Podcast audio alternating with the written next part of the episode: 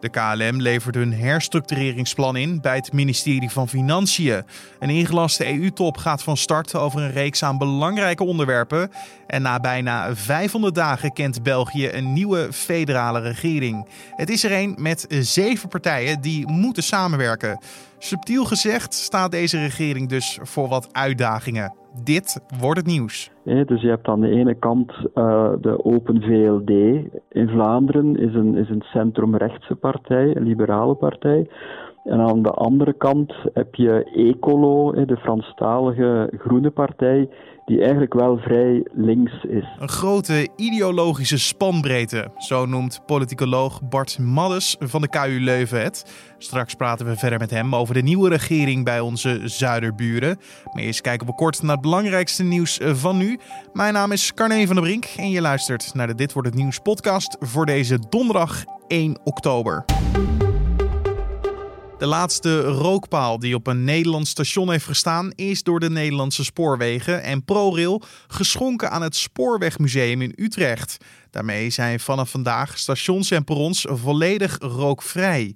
Naast de paal die aan het Spoorwegmuseum is aangeboden, zijn in september ruim 300 rookpalen op zo'n 100 stations weggehaald.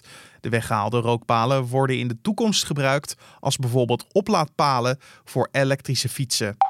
Tussen maart en juni zijn er ruim 10.000 mensen overleden aan COVID-19. Dat meldt het Centraal Bureau voor de Statistiek. Bij bijna 8.000 sterfgevallen was zeker het virus vastgesteld. En bij de rest gaf een arts aan dat het coronavirus de vermoedelijke doodsoorzaak was. Het dodental gemeld door het RIVM in deze periode was veel lager, rond de 6.000. Meer dan de helft ontving al langdurige zorg. En daarnaast was ruim de helft van alle overledenden een man. Een Apache-helikopter van Defensie heeft woensdagavond een voorzorgslanding gemaakt in de omgeving van de Gelderse gemeente Elburg. De reden voor deze landing is nog onduidelijk. Een technisch team is druk bezig de helikopter te onderzoeken. Later vandaag moet er meer informatie komen over het incident. En de Nederlandse luchtmacht heeft op dit moment 28 Apache-toestellen in bezit. Deze zijn onder meer ingezet in Afghanistan, Irak en Mali. En de hele vloot wordt van 2020 tot 2025 gerenoveerd. De rechtsextremistische organisatie Proud Boys moet volgens president Donald Trump de wetshandhavers hun werk laten doen en niet het heft in eigen handen nemen. Die opmerking van Trump komt een dag na het debat met de democratische presidentskandidaat Joe Biden, waarin hij suggereerde dat de Proud Boys juist paraat moesten blijven. Leden van de Proud Boys beschouwden de opmerking in het debat als een erkenning van hun groepering en hun gedachtegoed en als een aanmoediging om door te gaan. De rechtsextremistische groep gebruiken en promoten politiek geweld in de steden waar Black Lives Matter protesten in geweld ontaarden, zoals in Kenosha en Portland. En dan het hoofdonderwerp van deze podcast. België heeft na bijna 500 dagen onderhandelen eindelijk weer een federale regering. Was het land dan al die tijd stuurloos tijdens de coronamaanden? Nee, dat ook weer niet. De regering Wilmes II was een minderheidsregering met gedoogsteun en had eigenlijk als enige taak de corona-aanpak te sturen om zo de economische gevolgen te beperken. Nu zit de taak erop voor premier Sophie Wilmes en mag Alexander de Croo zichzelf premier noemen van een land dat er dus bijna 500 dagen voor nodig had om tot een akkoord te komen.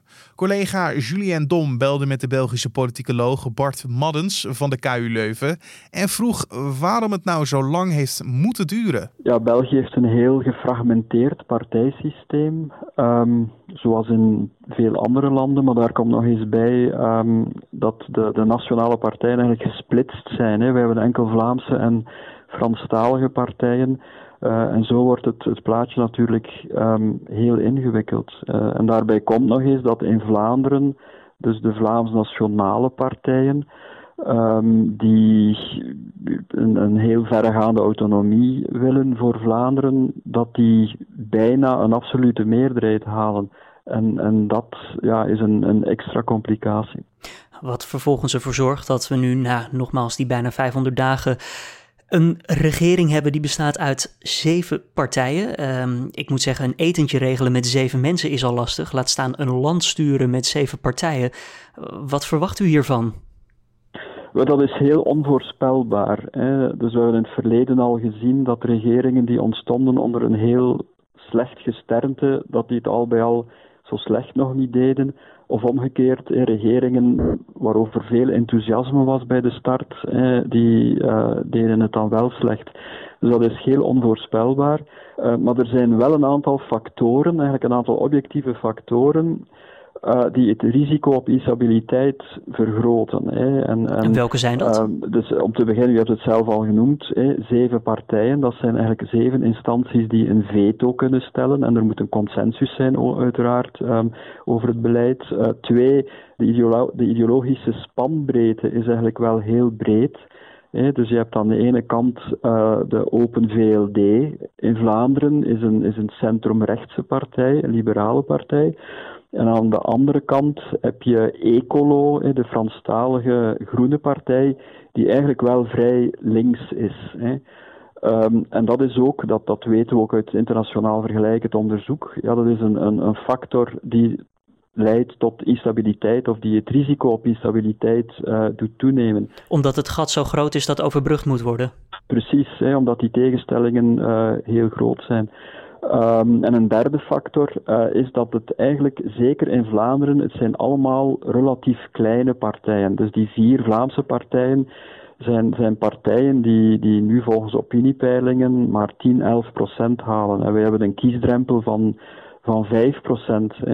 Dus van zodra een van die vier partijen in de peilingen verder zou zakken en in de buurt komen van die kiesdrempel van 5%, ja, dan ontstaat er natuurlijk een groot probleem, omdat dat dan echt een existentiële zaak wordt uh, voor die partij. Hè, om een kwestie van al dan niet uh, overleven. Dus ik denk dat dat ook een, een, een factor is die, die tot instabiliteit zou kunnen leiden. Aan de andere kant, uh, zoals met een kaartenhuis, je bent zo zwak als je, zo sterk als je zwakste kaart, om het maar eventjes zo te zeggen. Deze partijen hebben elkaar natuurlijk ook nodig om het land te kunnen sturen. Dus ja, ze hebben er niet veel aan om elkaar onderuit te trekken. Ja, dat klopt eigenlijk niet helemaal. Hè. Dus langs Vlaamse kant is CD&V eigenlijk niet nodig. Hè. Dus de, een, een, een paars-groene regering, dus met socialisten, liberalen en, en groenen, zo'n regering heeft, heeft nipt een meerderheid en, en zou allicht ook worden gedoogd door een aantal oppositiepartijen. Um, dus CD&V is eigenlijk overbodig. En dat is natuurlijk ook het grote probleem. Ook de, de reden ja, waarom CD&V eigenlijk zoveel koudwatervrees had om tot die coalitie toe te treden. Hè, omdat de partij dus eigenlijk vreest um, in de gracht gereden te worden. Um, en natuurlijk, paars-groen ja, is, is een min of meer um, homogeen project. We hebben dat in het verleden ook al gehad, in 1999. dan, dan zie je dat allee, die partijen wel elkaar vinden rond bijvoorbeeld ethische thema's, uh, ook rond institutionele thema's. dat zijn partijen die dan eerder Belgisch gezind dan Vlaams gezind zijn. Dus vanuit dat perspectief is, is CD&V natuurlijk een beetje een vreemde eend in de bijt. Hè. Tenminste, ja, dat, dat vreest men binnen die partij en is ook niet echt nodig om een meerderheid te leveren. Dan even het regeerakkoord. 143 pagina's in totaal, maar in twee talen, dus laten we zeggen afgerond 70 pagina's aan plannen. Heeft u er al eventjes doorheen gebladerd? Ja. En wat is u opgevallen? Ja, natuurlijk diagonaal, want het staat eigenlijk nog maar pas um, online. Um, ja, wat, mij natuurlijk wel opvalt, is dat over, over de, de, de heikele punten uh, is, het, is het akkoord relatief uh, vaag. Hè. En het belangrijkste pijnpunt uh, lijkt mij de, de fiscale hervorming. Dus er worden um, heel veel um, investeringen aangekondigd, een, een relanceplan in het post-corona-tijdperk. Um, tegelijkertijd, langs de inkomstenkant, is er dan sprake van een fiscale hervorming.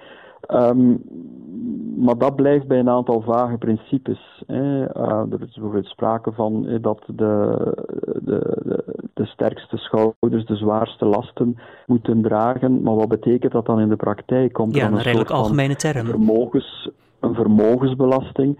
Um, en dat is eigenlijk ook de problematiek waar de vorige regering, de Zweedse regering, um, wij noemen dat dan de Zweedse regering, dat was een centrumrechtse regering met CD&V, Liberalen en, en N-VA. Ja. Die heeft eigenlijk ook een beetje haar tanden daarop stuk gebeten. Ehm, om, omdat er ook een grote fiscale hervorming in het vooruitzicht gesteld werd in 2014, zonder dat die, die, die principes echt gespecificeerd stonden in het regeerakkoord. Je zou zeggen dat de regering De Croo dan ja, daarvan heeft geleerd en denkt van nou, dan moeten wij deze keer wel de details duidelijk maken voor onze achterban.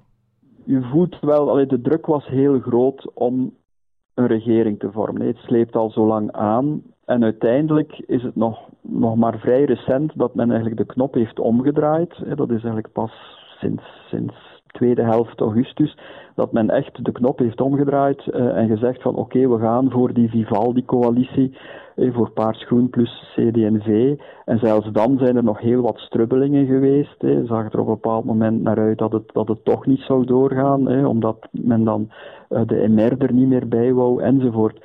Dus dat alles maakt dat eigenlijk alleen de tijd om met die zeven partijen grondig te onderhandelen, um, die was heel kort. Hè. Dus eigenlijk had men als eerste deadline 17 september, hè, omdat dus de regering Wilmes had gezegd op 17 september vragen we opnieuw um, het vertrouwen aan de Kamer. Hè, dus zes maanden na de eerdere vertrouwensstemming bij het begin van de coronacrisis.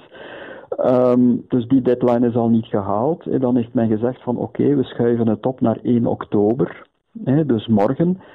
En ja, het zou een enorm gezichtsverlies geweest zijn had men dan gezegd van ja, we gaan ook die deadline laten passeren en, en nog er een week bij nemen om, om, om nog eens grondig te onderhandelen. En wie weet, ja, dan heb je natuurlijk ook altijd het risico dat men er niet uit zou geraakt zijn, hè, omdat de, ja, de, de standpunten over die fiscale hervorming veel te ver uit elkaar liggen.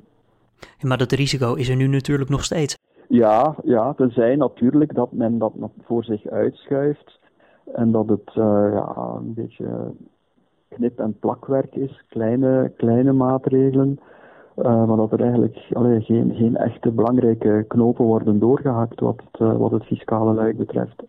Meneer Maddens, als laatste vraag eigenlijk. Um, moet België blij zijn met deze uitkomst, met deze nieuwe federale regering? Zeker uh, gezien de pandemie die nog altijd heerst in, ja, de, over de hele wereld, de coronacrisis.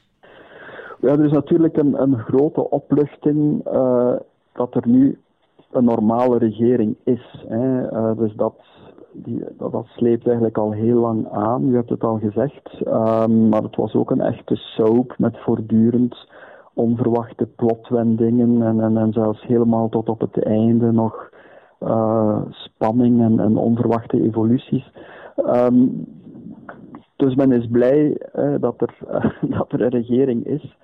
Um, en ik verwacht ook wel in de media en, en in, in, de publieke opinie een, zekere euforie is misschien veel gezegd, maar toch een, een opluchting um, in elk geval. Natuurlijk op langere termijn, daar hebben we het nog niet over gehad, maar dus deze regering heeft natuurlijk één grote constructiefout. Uh, en dat is dat deze regering geen meerderheid heeft langs Vlaamse kant. Hè. Um, dus in België ja, wordt er eigenlijk een heel duidelijk onderscheid gemaakt in de, in de Kamer tussen de Nederlandse taalgroep, dus dat zijn de Vlaamse politici, en de Franse taalgroep, dat zijn de Franstalige politici. En dus deze coalitie heeft een meerderheid, een grote, ruime meerderheid langs Franstalige kant, maar geen meerderheid langs uh, Vlaamse kant. Nu, constitutioneel hoeft dat niet hè, en is er dus geen probleem. Maar natuurlijk dat ligt slecht in Vlaanderen, dat valt slecht, hè, omdat ja, men, men eigenlijk de twee Vlaamse nationalistische partijen aan de kant heeft geschoven.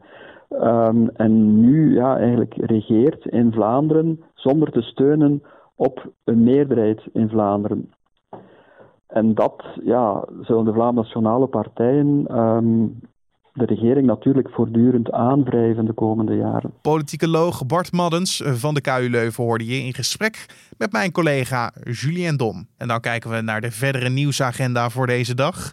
KLM-baas Pieter Elbers gaat vandaag met een herstructureringsplan naar het ministerie van Financiën. Volgens de ondernemingsraad van KLM is het hele bedrijf doorgelicht en liggen verschillende plannen op tafel om de kosten te beperken.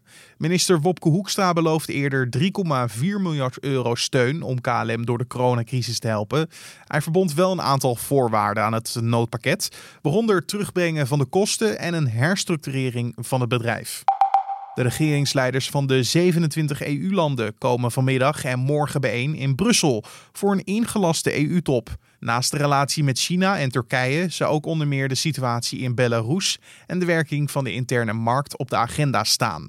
De top stond oorspronkelijk gepland voor 24 september, maar werd uiteindelijk uitgesteld omdat EU-president Michel in quarantaine moest vanwege een besmette beveiliger. En in het Zwitserse Nyon wordt in het EU-hoofdkantoor vandaag gelood om de groepsfase van de Champions League. Ajax hoort dan tegen wie ze moeten spelen tussen eind oktober tot mid-december. Ook worden de winnaars van UEFA Speler van het Jaar vandaag bekendgemaakt, zowel mannelijk als vrouwelijk. Morgen is de loting van de groepsfase van de Europa League en de bekendmaking van de UEFA Europa League Speler van het Jaar. En dan de vraag: gaat het vandaag weer een grauwe en misschien vochtige dag worden? Raymond Klaassen van Weerplaza heeft het antwoord voor je. Het wordt een bewolkte dag en het regent enige tijd, want een neerslagzone trekt van zuidwest naar noordoost over het land. In Zeeland regent het al in de vroege ochtend. In het uiterste noordoosten begint het te regenen aan het begin van de middag. De loop van de middag wordt het wel vanuit het zuidwesten weer droog en kan in Zeeland ook de zon nog eventjes doorbreken. De temperatuur ligt vanmiddag rond 16 graden op de meeste plaatsen en er waait een matige zuidelijke wind. Dat was Raymond Klaassen van Weerplaza. En we sluiten af met een bijzonder jubileum, want de allereerste soap van Nederland bestaat vandaag precies 30 jaar. En dan hebben we het natuurlijk over.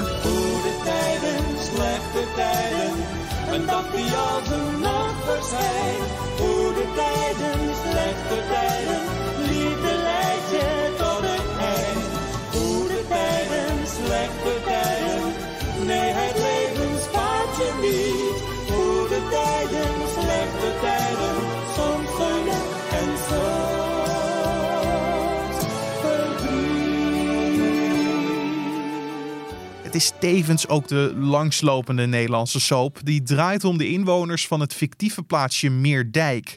Het script van de eerste twee seizoenen was gebaseerd op de Australische soapreeks The Restless Years.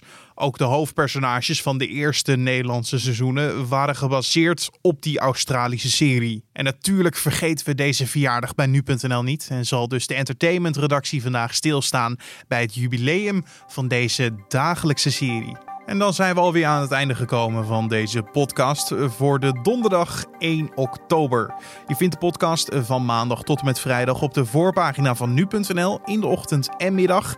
En natuurlijk in je favoriete podcast app. En dan moet je denken aan een Spotify of Apple podcast. Je kan je gratis abonneren op deze podcast en zo staat hij elke dag voor je klaar. Wil je ons nog helpen deze podcast nog beter te maken? Stuur je feedback, vragen of suggesties door naar podcast.nu.nl. Mijn naam is Carne van der Brink. Ik wens je een hele mooie dag vandaag en tot de volgende.